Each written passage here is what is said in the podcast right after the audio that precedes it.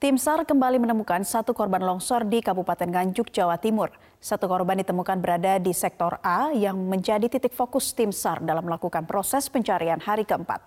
Satu korban ditemukan ini langsung dievakuasi ke mobil jenazah. Jenazah korban ditemukan dalam keadaan tertimbun tanah di dekat area rumah yang masih utuh. Dengan penemuan satu korban tersebut, total 13 korban tewas dalam peristiwa longsor di Kabupaten Nganjuk, Jawa Timur. Enam orang korban masih belum ditemukan. Saat ini tim SAR memutuskan untuk menghentikan proses pencarian akibat cuaca buruk sehingga tidak memungkinkan tim melakukan pencarian korban dengan alat berat. Pemirsa rumah pompa di DKI Jakarta menjadi salah satu solusi mengurangi debit air ketika terjadi hujan dengan intensitas tinggi atau banjir kiriman. Namun efektivitasnya dapat terganggu jika banyak sampah di saluran air dan menghambat kinerja pompa tersebut. Informasi selengkapnya akan disampaikan rekan Taris Hirziman langsung dari rumah pompa Taman Ratu Jakarta Barat. Taris, bagaimana kesiapan rumah pompa untuk mengantisipasi banjir di DKI Jakarta saat ini? Ya Naila, untuk saat ini Pemprov DKI Jakarta melalui Dinas Sumber Daya Air menyiapkan sedikitnya ada 487 pompa yang terdapat di 178 rumah pompa ada di seluruh Jakarta yang selalu disiagakan apabila debit air terpantau di tempat tersebut sudah mulai naik. Kami tadi menanyakan apabila sudah pada ketinggian indikator 320 cm eh, begitu maka akan mulai dilakukan pengurangan hingga batas tidaknya 250 cm atau 2,5 meter. Untuk saat ini rumah pompa ini masih terus dijalankan dan lalu membersihkan uh, saluran airnya begitu karena apabila jika terjadi hujan dengan intensitas tinggi ataupun juga adanya uh, banjir kiriman dari wilayah Jakarta sekitarnya ini akan menghambat proses pompa itu sendiri.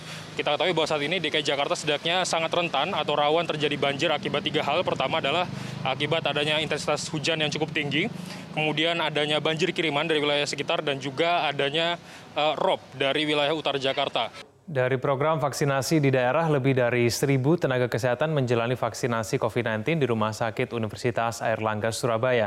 Sementara di Poliwali Mandar, Sulawesi Barat, Dinas kembali melaksanakan vaksinasi dosis kedua untuk tenaga kesehatan. Sejak 15 Januari 2021, Rumah Sakit Universitas Airlangga Surabaya sudah melayani lebih dari 1.000 orang tenaga kesehatan, baik yang bertugas di Rumah Sakit Universitas Airlangga maupun rumah sakit lainnya di Surabaya. Vaksinasi ini akan dilakukan dua kali suntikan. Untuk suntikan pertama berguna sebagai pengikat tubuh agar kuat terhadap COVID-19, sedangkan suntikan kedua bertujuan untuk meningkatkan kekebalan tubuh lebih maksimal.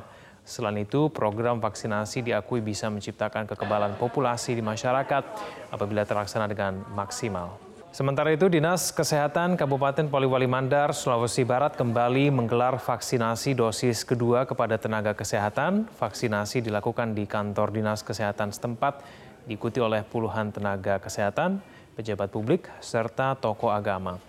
Sebelum divaksin, seluruh peserta harus melalui beberapa tahapan pemeriksaan, mulai screening kesehatan, tahap penyuntikan vaksin, dan tahap observasi. Sebelumnya sebanyak 1.641 orang tenaga kesehatan telah menjalani penyuntikan vaksinasi dosis pertama yang dimulai pada tanggal 2 Februari yang lalu. Selanjutnya pemberian vaksin dosis kedua bagi tenaga kesehatan di Poliwali Mandar ini kembali dimulai pada hari ini dan ditargetkan rampung hingga tanggal 25 Februari mendatang. Badan Narkotika Nasional mengungkap penyelundupan narkoba jenis sabu seberat 436,30 kg di Kepulauan Seribu, Jakarta. Diduga penyelundupan narkoba ini dikendalikan oleh seorang narapidana di Tegal, Jawa Tengah.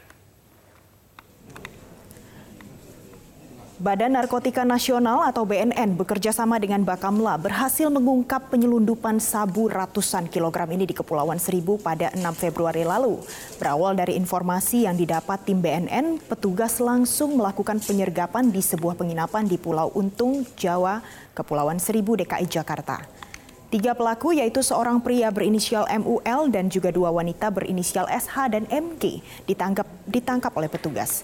Petugas juga mengamankan 433 kotak plastik berisi 436,3 kg sabu. Menurut Deputi Pemberantasan BNN Arman Depari, jaringan ini merupakan jaringan internasional yaitu Timur Tengah dan dikendalikan oleh seorang narapidana di lapas kelas 2B Selawi Tegal Jawa Tengah berinisial DA alias Alex. Polres Jakarta Utara menetapkan satu tersangka kasus pelanggaran protokol kesehatan dalam atraksi barongsai yang menyebabkan kerumunan.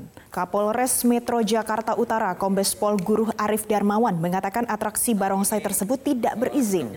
Polisi telah memeriksa 12 orang saksi dalam kasus pelanggaran prokes ini dan satu orang berinisial BJ ditetapkan sebagai tersangka yang merupakan penyelenggara atraksi barongsai.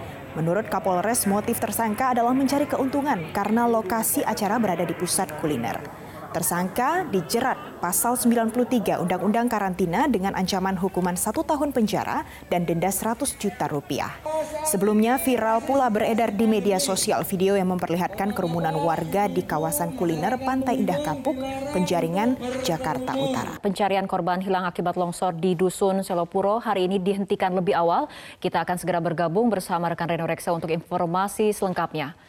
Reno, mengapa upaya pencarian korban hilang untuk hari ini dihentikan lebih cepat?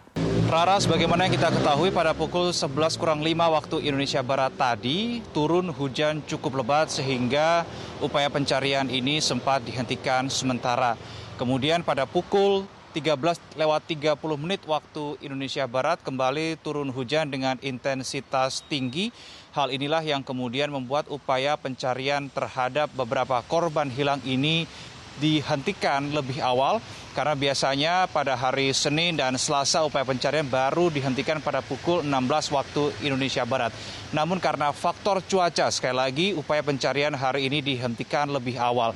Selain karena faktor cuaca, memang untuk kondisi tanah di kawasan longsor tersebut, menurut Badan Geologi yang tadi turut memantau lokasi longsor mengatakan masih banyak terkandung air.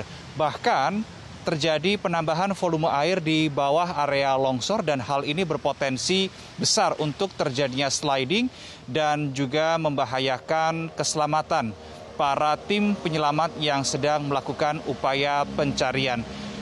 Hal itulah kemudian menjadi beberapa faktor Rara untuk dihentikannya upaya pencarian lebih awal.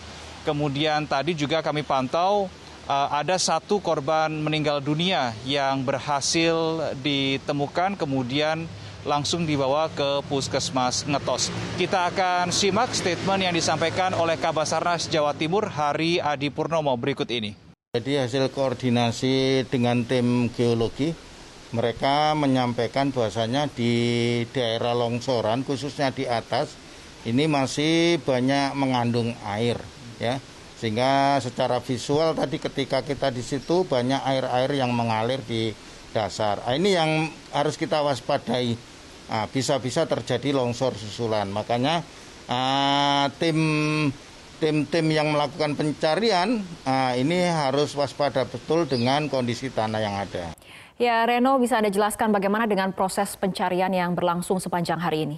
Upaya pencarian yang berlangsung pada hari ini secara khusus, Rara memang tadi sebagaimana biasanya dimulai pada pukul 8 lewat 30 menit waktu Indonesia Barat.